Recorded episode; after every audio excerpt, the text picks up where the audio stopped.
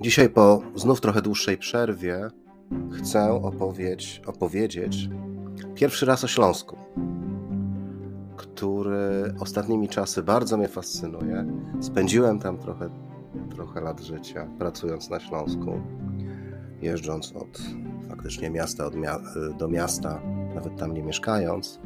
Także dzisiaj zapraszam na podcast o piłkarzach, o mieście, o hucie, a także o rewolucji na Śląsku.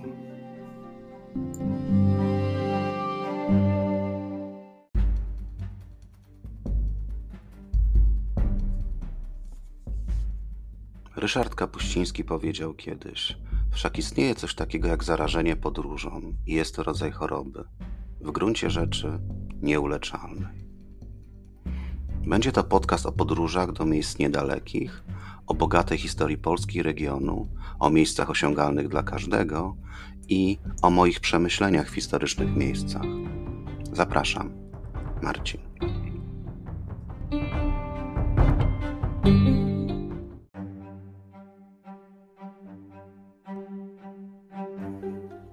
Zacznijmy od piłki nożnej. Jest czerwiec 1938 roku i Mistrzostwa Świata w piłce nożnej we Francji.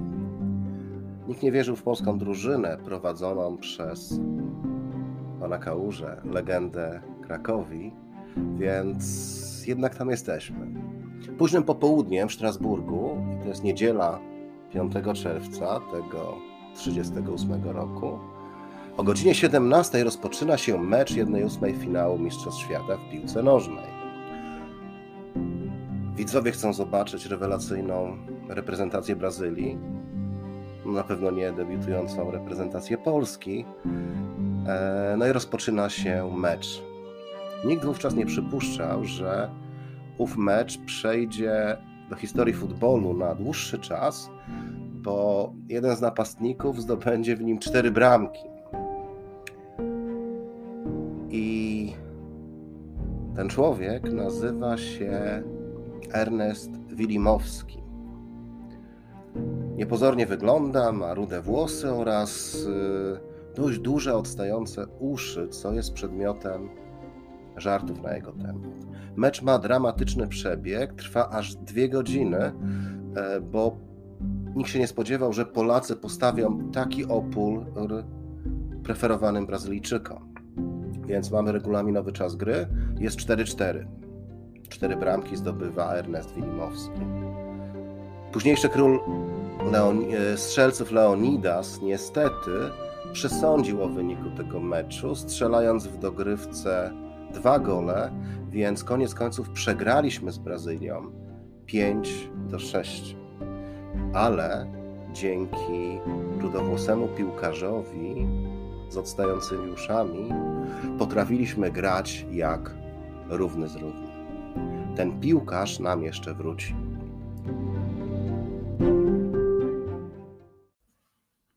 Dokładnie 9 lat później, 20 października 1957 roku, w mglisty i deszczowy dzień, na polską reprezentację czeka 100 tysięcy kibiców i miliony przy radioodbiornikach. Pamiętajcie, nie było jeszcze wtedy telewizji. Polska gra z bratnim Związkiem Radzieckim.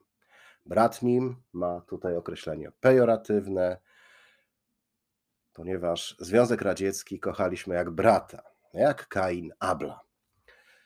Więc y, mamy mecz ze Związkiem Radzieckim. Poprzedni, kilka miesięcy wcześniej, przegraliśmy 3 do 0, więc wielkie nadzieje przed polskimi piłkarzami. I za sprawą pewnego piłkarza, Gena, Gerarda Cieślika i jego dwóch goli, sensacyjnie Polska wygrywa z drużyną mistrzów olimpijskich. Pokonujemy Rosję 2 do 1. A bohaterem tego spotkania, jak jeszcze, jak poprzednio wspominałem, jest Gerard Cieślik, którego z poprzednio wymienionym piłkarzem coś łączy. Gerard Cieślik nam jeszcze wróci. Obu piłkarzy łączy klub piłkarski, ruch Chorzów. Przez wiele lat ostoja polskości. O nim również powiem parę słów.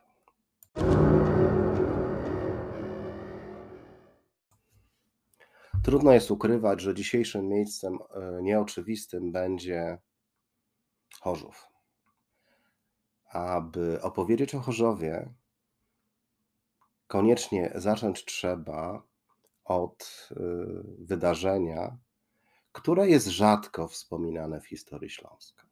A chodzi tu o strajk górników w Chorzowie, wówczas Hucie Królewskiej lub jak kto woli Königshytte. Zdarzyło to się w 1871 roku i w zeszłym roku upłynęło równo 150 lat od tamtych wydarzeń. A rok 1871 przeszedł do historii jako ten, w którym kanclerz Prus Otto von Bismarck wygrał wojnę z Francją, zjednoczył Niemcy, a w Paryżu doszło nam do dobrze znanej bitwy miejskiej zwanej Komuną Paryską. Jednak Komuna Paryska jest bardziej znana z historii, więc popatrzmy, o, popatrzmy na Komunę Śląską, albo jak chcemy to nazywać. Miastem tak naprawdę rządził wtedy niejaki Folkmar Meitzen, dyrektor wielkiej kopalni Kenik, albo można by powiedzieć gigantycznej e, kopalni Kenik. Warunki życia górników wtedy były jakie były, bo, uwaga, wojna spowodowała wzrost cen przy jednoczesnym spadku zarobków. Wiadomo, wojna wymaga ofiar nie tylko ludzkich, ale również ekonomicznych. Meissen starał się doprowadzić do zwiększenia wydajności pracy górników, czyli w jakiś sposób dokręcić ich, im śrubę. Więc iskrą, która detonuje beczkę z prochem, a ta beczka się ładowała przez wojnę, e, to był protoplasta kart magnetycznych, czyli tak zwane marki ewidencjonujące czas pracy na grubie, czyli na kopalni. Wprowadzenie znaczków z symbolem kopalni, czyli tych marek kontrolnych, było oczywiście pomysłem dyrektora. Górnicy mieli otrzymywać przy wjeździe do kopalni te marki, a zwracać je po opuszczeniu szybu. Jednak uznali, że to jest zamach na swobody pracownicze i że znaczki ograniczą ich możliwość poruszania się po kopalni, a na przykład większość z nich, zgodnie ze zwyczajem, w trakcie dniówki, gdy zgłodniała, na przykład udawała się na powierzchnię do domu, zjeść posiłek, następnie wracała na kopalnię. W czasie, kiedy kopalnia składała się z dużej y, liczby płaskich, płytkich szybów, przerwa obiadowa była łatwa. Jednak dyrektor y, Meissen zamknął płytkie szyby, co spowodowało wydłużenie dniówki, bo górnicy mieli dłuższy czas dojścia do wyrobiska, a także nie mogli tak często wychodzić na powierzchnię jak wcześniej. Dziś rozumiem, że obawy górników były słuszne. Znaczki zwiększały kontrolę i wydłużały czas pracy, tak jak na przykład dzisiaj to robi u niektórych Microsoft Teams.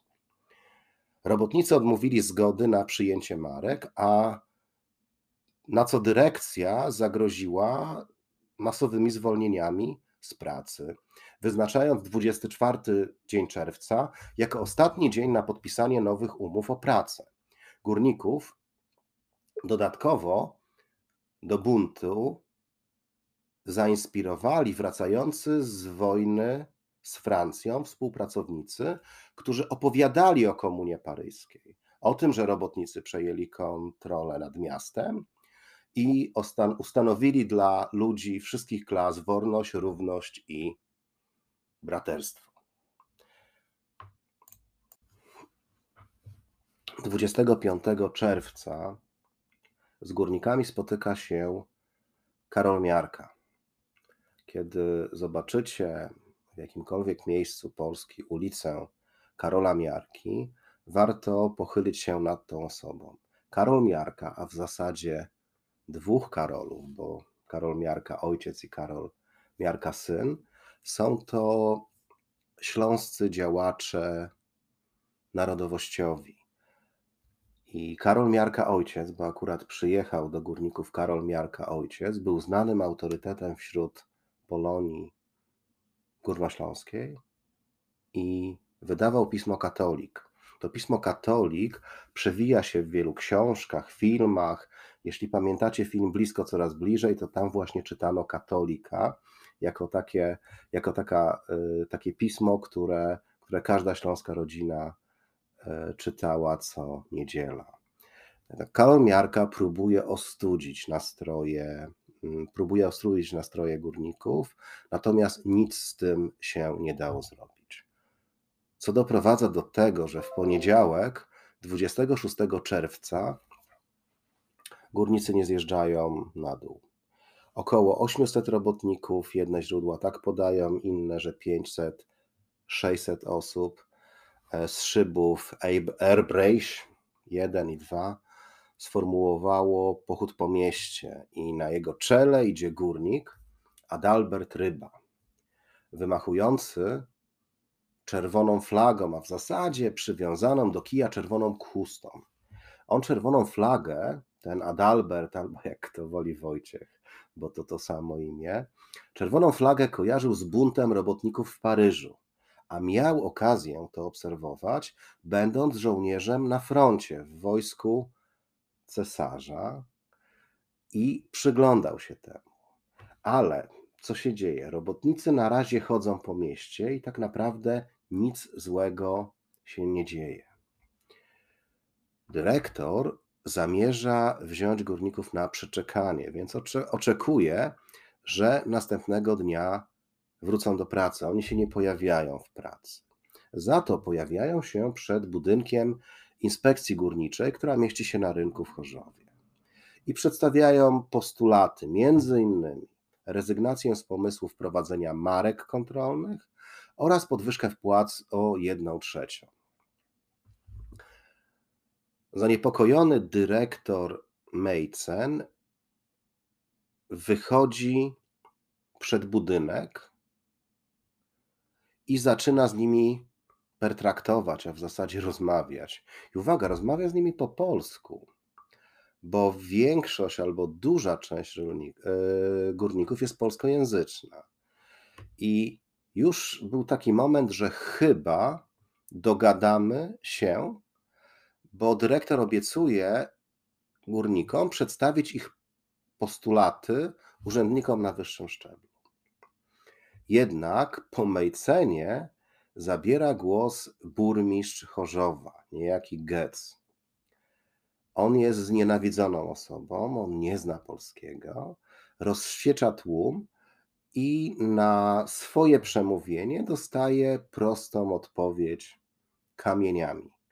Więc rozkręca się zadyma. Mejcen i Goc w ostatniej chwili uciekają przed górnikami, co na pewno ochroniło ich życie. Robotnicy zbroją się w typowe uzbrojenie dla strajku owych czasów, czyli kilofy, sztyce, pałki, kawałki maszyn. I zaczynają opanowywać miasto. Czyli jak zwykle się dzieje w proteście robotniczym, to też popatrzycie na przykład przy polskich protestach, zaczyna się od zdemolowania i podpalenia posterunku znienawidzonej policji. Ale co ważne, zniszczono tam zapiski z zadłużeniem rodzin górniczych. Potem buntownicy idą w kierunku sklepów, więc w całym mieście otwierają piekarnie i rozdzielają chleb między mieszkańców miasta. Więc y, plądrują sklepy, wyrzucają e, towary na zewnątrz, rozdając je mieszkańcom. Niektórzy z mm, robotników, którzy byli w pruskiej armii, widzieli widzieli komunę paryską i widzieli, że komunardzi mieli czerwone czapeczki. Więc y, co więcej, oni podobno przywieźli je z frontu, więc nałożyli te czerwone czapeczki i na wzór francuskich pierwowzorów zaczynają organizować się. Powstają patrole robotnicze y, nadzorujące ulice miasta, rozdają towary ze sklepów, no jakaś forma porządku w tej e, rewolucji istnieje. Jednak władze w Berlinie decydują się, że wojsko musi spacyfikować Chorzów. Więc rozpoczynają się już prawdziwe walki uliczne, a w pobliskim, pobliskich Gliwicach stacjonują grenadierzy. Więc y, wojsko konne e, wkracza do, wkracza do Chorzowa. Buntownicy uciekają w boczne uliczki, E, co więcej, żołnierze otrzymują pomoc z wyższych klas Chorzowa. Tak to było. No, wyższy, e, mieszkańcy Chorzowa, wyższy, mieszkańcy Chorzowa wyższych klas to byli ci okradani sklepikarze i tak dalej, i tak dalej, więc poza tym oni byli rdzennymi Niemcami. Tak? Proletariat był polski, a, a ci trochę bogatsi, tak dzisiaj nazwalibyśmy im klasa średnia, nazwalibyśmy ich klasa średnia, to byli Niemcy. Więc oni wspierają grenadierów. Rankiem już w Chorzowie mamy pół tysiąca regularnego wojska i zaczynają się łapanki. Także wyłapano, e, wyłapano 136 e, uczestników. Wcześniej dołączono do 50, znaczy dołączono ich do wcześniej 50 złapanych i rząd wprowadza tak zwany stan oblężenia Chorzowa, czyli rodzaj lokalnego stanu wojennego. Ten stan wojenny czy stan oblężenia potrwa około 10 lat. Wydarzenia w Chorzowie to nie jest pierwszy i ostatni bunt na Śląsku. W przypadku wydarzeń w Chorzowie nie mówimy jeszcze o społeczności polskiej, która się buntuje, ale najbardziej znane bunty na Śląsku, które znamy, są to powstania śląskie, aczkolwiek są, nie są to bunty jedyne. W swojej książce Bez Pana i Plemana pan Dariusz Zalega w podsumowaniu Śląskiej Komuny Paryskiej pisze tak. Berlin mógł odetchnąć z ulgą, jednak już dwa lata później wybuchł pierwszy na obecnych ziemiach polskich strajk okupacyjny w kopalni Szarlej w Bytomiu. Warto podkreślić kontekst tych wydarzeń. Zaledwie miesiąc przed wydarzeniami w Królewskiej Hucie padły ostatnie barykady komunardów w Paryżu. Widmo komuny paryskiej krążyło więc nad głowami wystraszonych urzędników pruskich i mieszczan. Także te bunty wybuchały, e, a największym tym buntem były trzy powstania śląskie, o których faktycznie można by zrobić podcast. Kto wie, czy się tego nie podejmie.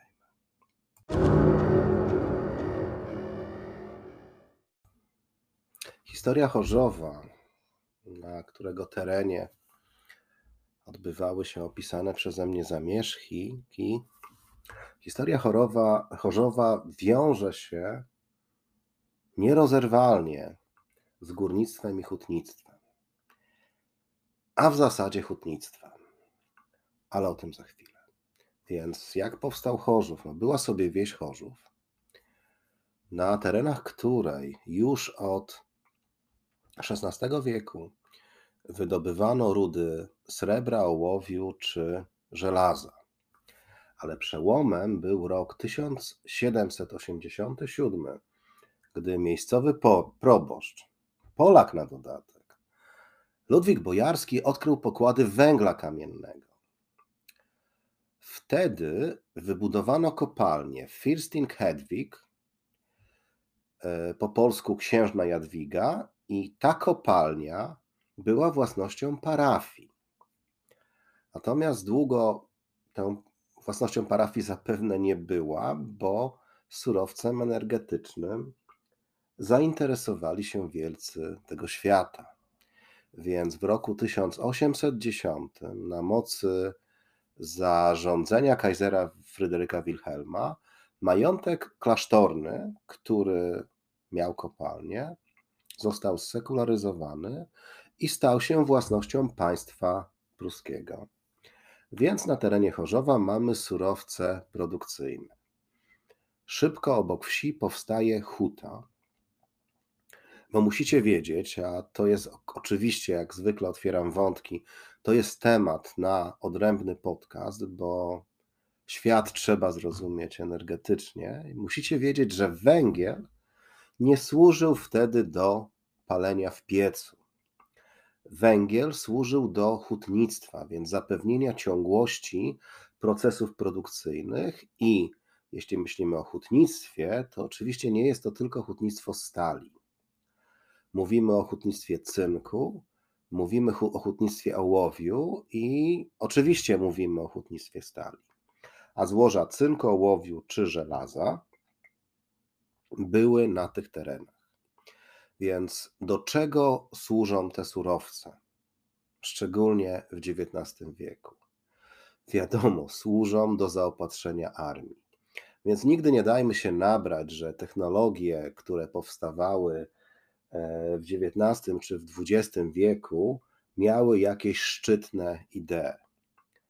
Podobnie jak przy, przy okazji siarki opowiadałem. Nie, te idee nie były szczytne. Tu chodziło o technologie militarne. Do czego był potrzebny cynk? Cynk był potrzebny do mosiądza, a z mosiądzu się robi pociski do armat. E, do czego był ołów? Do pocisków karabinowych. Do czego była stal? Do rzeczonych armat. Także do tego są potrzebne surowce. Więc obok wsi Chorzów powstaje Königshytte, która jest większa od rzeczonego Chorzowa i tak też przez pewien czas będzie nazywało się miasto. Najpierw pod koniec XVIII wieku powstaje huta. I co jest typowe dla Górnego Śląska, najpierw powstaje huta, a potem wokół niej miasto. Czyli e, zmierza za pracą sporo ludności wiejskiej i tak powstają osiedla wokół huty. E, więc, więc powstaje huta, a wokół huty powstają kolejne e, kolo, kolonie robotnicze, tak? Więc z tych kolonii ro, robotniczych rodzi się miasto. Już pod koniec XIX wieku miasto jest najbardziej albo najgęściej zaludnionym miastem na Górnym Śląsku. Miasto ma brukowane ulice, zaczynają kursować tramwaje, jest woda, jest elektrownia, hotele, teatr, hala targowa. Więc miasto jest bardzo, bardzo nowoczesne. Dzięki czemu? Dzięki hucie. A dlaczego funkcjonuje huta? Żeby zaspokoić militarne potrzeby państwa pruskiego. Po I wojnie światowej po I wojnie światowej, e, mimo że w plebiscycie 70 parę procent głosujących opowiada się za pozostaniem w Rzeszy Niemieckiej, wybucha powstanie śląskie i miasto zostaje przyłączone do Polski. Tutaj krótka dygresja. Jeśli myślicie, że żyło w hucie E, królewskiej, czyli w dzisiejszym Chorzowie 70% Niemców i to oni opowiedzieli się za przynależnością do Niemiec? Nie. Druga Rzeczpospolita była dość niepewnym, dość niepewnym e, organizmem państwowym i również mogło się tak zdarzyć, że Polacy głosowali w plebiscycie za pozostaniem w Rzeszy. Potem Rzesza też była sprawniejsza, bo jeżeli wprowadzono, że ktokolwiek urodzony na tych terenach może głosować, Niemcy jako sprawniejsza organizacja e, dowozili dużo więcej osób, którzy mogli głosować. Także trudno powiedzieć jednoznacznie, dlaczego tak się zdarzyło, że ponad 70% osób głosowało za pozostaniem Królewskiej Huty e, w Rzeszy Niemieckiej. Albo w zasadzie w Republice Wismarskiej. Tutaj pewnie historycy by mnie zganili. Także po powstaniu śląskim, e, po powstaniu śląskim e, Chorzów e, zostaje w Polsce, zostaje albo zostaje przyłączony do Polski jako, jako kawałek ziem pruskich. No, to też trzeba kiedyś będzie wyjaśnić w podcaście. Stajecie częścią autonomicznego województwa śląskiego, które, jako dygresję znowu powiem, 90% dochodów II Rzeczpospolitej pochodziło z tego właśnie województwa. Ciekawe miasto, bo tam e, powstaje fabryka związków e, azotowych, połączona później z zakładami w Mościcach. E, produkowana, produkowany jest kwas azotowy, kwas azotowy wiadomo po co. Powstają zakłady przetwórcze, późniejszy Konstal, Konstal, który produkował tramwaje, obecnie to jest, y, to jest Alstom. Także, także bardzo, bardzo przemysłowy organizm y, II Rzeczpospolitej. Co więcej, e, przypomina mi się, że kiedy zaczęliśmy produkować czołg, jedyny czołg chyba produkowany w Polsce w okresie międzywojennym, czołg 7TP, blachy na uzbrojenie tego czołgu były produkowane w hucie chorzowskiej. Hucie, która najpierw się nazywała Königshütte, w czasach obecnych i słusznie minionych nazywała się Huta Kościuszko, natomiast w okresie międzywojennym nazywała się Hutą Piłsudski. I o hucie ja za chwilę chcę troszeczkę opowiedzieć.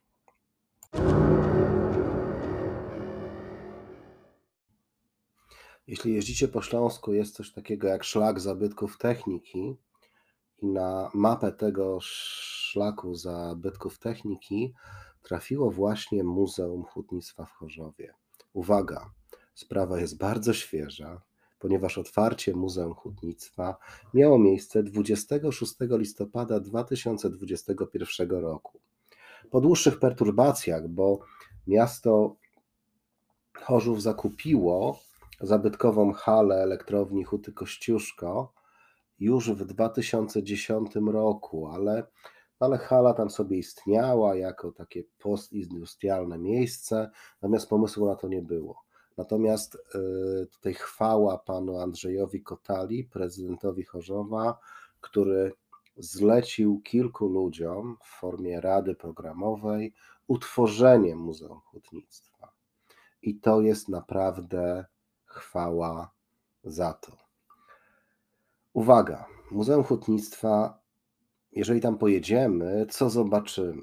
Tak jak powiedziałem, muzeum się rozwija, więc, więc e, być może zobaczymy więcej po usłyszeniu mojego podcastu, ale udało się zgromadzić przede wszystkim maszyny hutnicze. I te maszyny hutnicze są w bardzo dobrym stanie. Co więcej, część tych maszyn hutniczych jest sprawna. W planach są pokazy na przykład kucia czy walcowania. Więc co widzimy? Mamy prostownicę stemplową, mamy młoty, mamy prostownice mimośrodowe, kawałki nawet zespołu walcowniczego z napędem. E, kiedy wejdziemy do sali jakiejś takiej, ona się, nie wiem jak ona się nazywa, ale jest to sala wprowadzająca. Możemy zobaczyć na makiecie cały organizm hutniczy, łącznie z tym świecąc, gdzie co było na terenie dawnej Huty Królewskiej, czyli Königshitte. Zobaczymy fajną ekspozycję tego, jak zmieniała się huta, jak zmieniało się miasto. Oczywiście nie pominięto bardzo ważnego elementu dawnego klubu sportowego Hajduki, czyli ruchu Chorzów, o którym też znajdziemy e, rzeczy. Fantastyczne filmy, świetnie zrobiony film o hutnictwie w kinie, także warto to zobaczyć. Zobaczymy też e, wystawy złożone, znaczy wystawy zbudowane na bazie zbiorów prywatnych.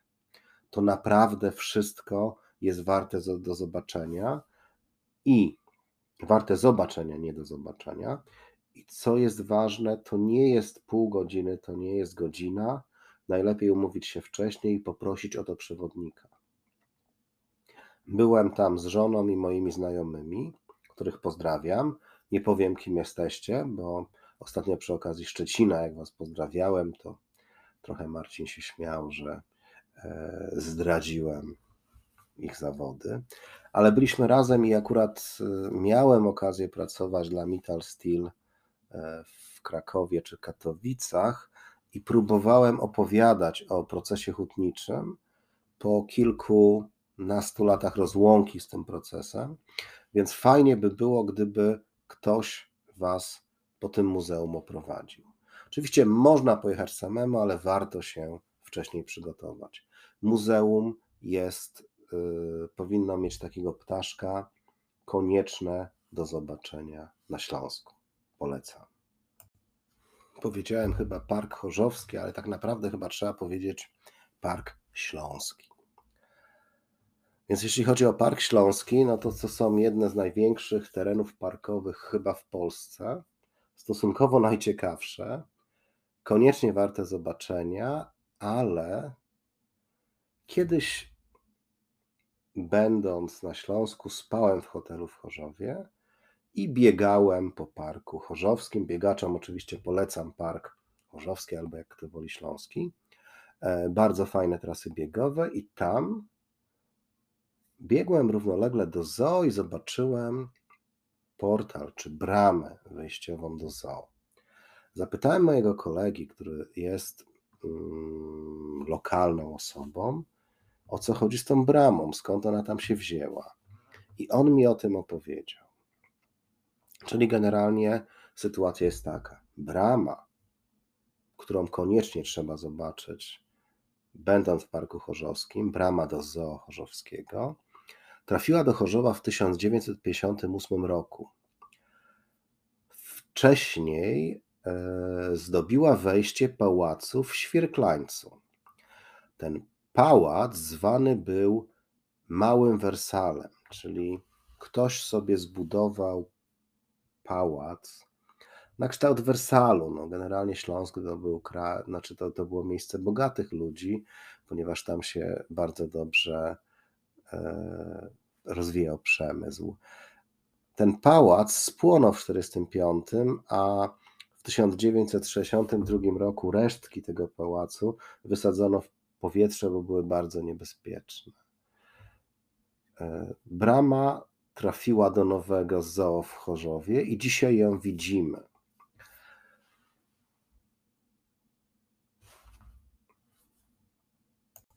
Parę słów o nieistniejącym pałacu. Niejaki Guido, Guido Henkel von Donensmark wybudował to jako prezent dla swojej żony Blanki. I też to była rezydencja w stylu Ludwika XIII, E, stąd była zwana Małym Wersalem. E, pałac zaprojektował nadworny budowniczy Napoleona III, natomiast no, II wojna światowa niewiele e, litości miała dla budynku. Pałac został splądrowany i podpalony w 1945, no i dobity w czasach PRL-u. Budyn- budulec z tego pałacu, na przykład marmury i kamienne bloki, e, posłużyły do budowy Pałacu Kultury Zagłębia, czyli były wyeksportowane do sąsiadów Śląska w latach 51-58. E, nikt nie pytał konserwatora zabytków w 1962 roku, żeby wysadzać, czy, czy możemy wysadzać ruiny zamku. Dzisiaj e, z zespołu pałacowego ocalały baseny, tarasy czy fontanny. Są jeszcze dwa lwy, które pozostały. Dwa lwy z tego pałacu e, są z Zabrzu przy wejściu do parku przy ulicy 3 Maja. Także niewiele zostało z parku, dwa lwy i brama w Chorzowie, którą warto zobaczyć. A niejaki von Donnersmark był związany z hutą, ale to inna historia. Nie wiem, czy na podcast.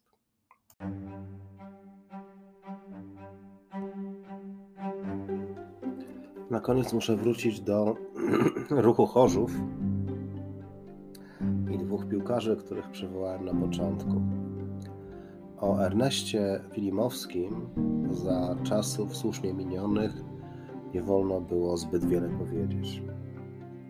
Pamiętam książkę, którą kupiłem sobie na fali mojej kibicowskiej historii, kiedy Polska w 1982 roku zdobyła srebrny medal w Hiszpanii. E, I chciałem się, chciałem przestudiować historię polskiego futbolu i wtedy natknąłem się na historię z 1938 roku, kiedy to Ernest Wilimowski miał szansę bycia, bycia królem strzelców. Ale była tylko jedna dziwna informacja w tej książce, że niestety po roku zdecydował się wstąpić w szeregi czegoś tam. Więc wyobrażałem sobie Ernesta Wilimowskiego jako konfidenta, co nie jest do końca prawdą. Historia Wilimowskiego jest bardzo powikłana, ponieważ nawet się nie urodził jako Wilimowski, tylko, tylko urodził się jako zupełnie inna osoba. Nazywał się, z tego co pamiętam, Brandela. I mama wyszła za powstańca śląskiego, i tak on stał się Polakiem. I tym Polakiem niewątpliwie był. Więc Ernest Wilimowski, o którym nie wolno było mówić, e, został w Niemczech po wojnie. Z kolei Gerald Cieśnik również trafił do Niemiec po wojnie. Tuż po wojnie. Nawet próbował przekroczyć granicę, uciec do strefy okupacyjnej, y, do amerykańskiej strefy okupacyjnej, co nie do końca dobrze się skończyło, jeżeli chodzi o niego. Na szczęście był świetnym piłkarzem i wrócił do łask tych dwóch piłkarzy, tak jak powiedziałem, łączy Ruch Chorzów.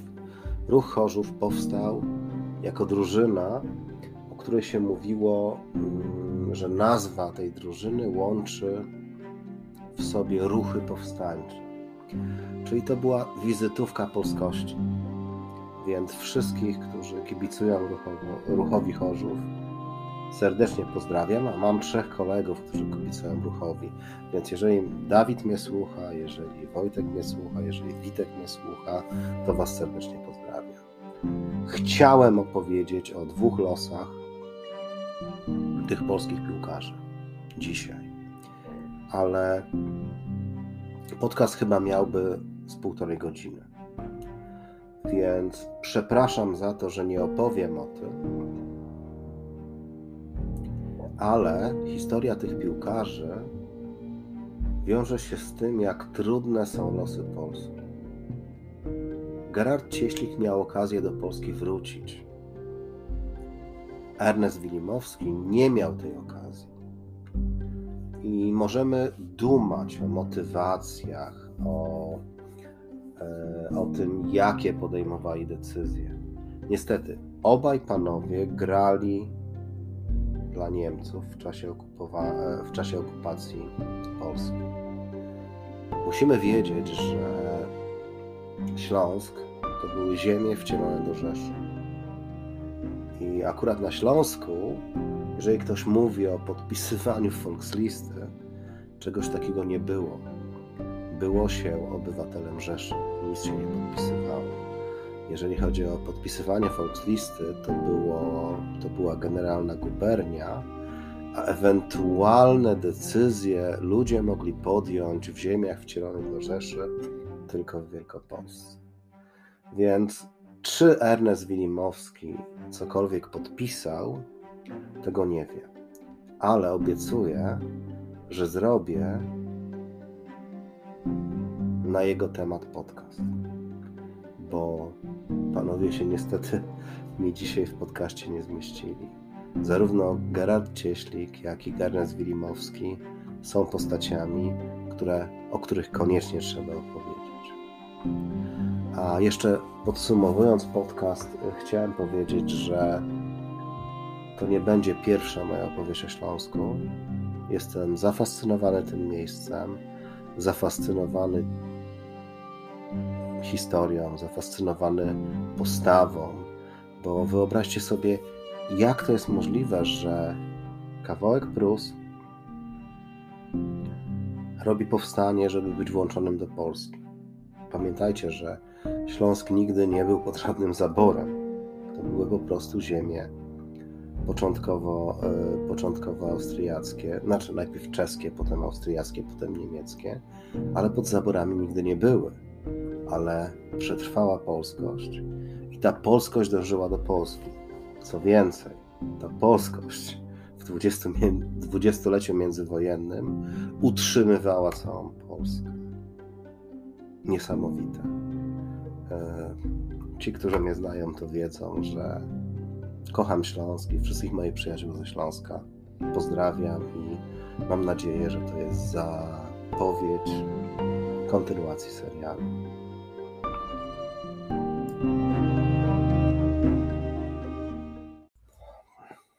Niestety słabo wyglądam głosowo. Bardzo przepraszam, jeżeli, jeżeli mój głos nie podobał się w tym podcaście, a niestety podziębiłem się, ale nie chciałem przyciągać nagrania, nagrania mojego podcastu w nieskończoność. Przy okazji chciałem powiedzieć, że słucha mnie mój przyjaciel, w którym, z którym pracowaliśmy razem w Elblągu, nawet razem wynajmowaliśmy mieszkanie. To jest Bartek. Pozdrawiam cię, Bartek. Bartek jest tatą chrzestnym mojego syna.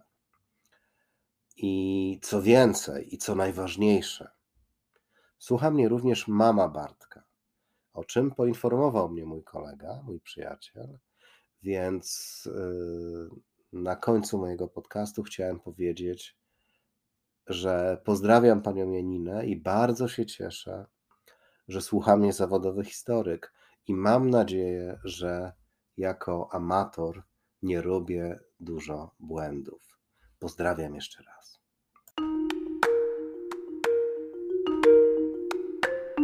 Moje krótkie posty z miejsc nieoczywistych znajdziecie na stronie www.instagram.com ukośnik miejsca podkreślnik nieoczywiste. Mam też stronę podcastu www.facebook.com ukośnik nieoczywiste miejsca. Jeśli któryś z postów wart jest podcastu, po prostu napiszcie na adres dom w Dawidach małpa gmail.com. Zapraszam do kontaktu.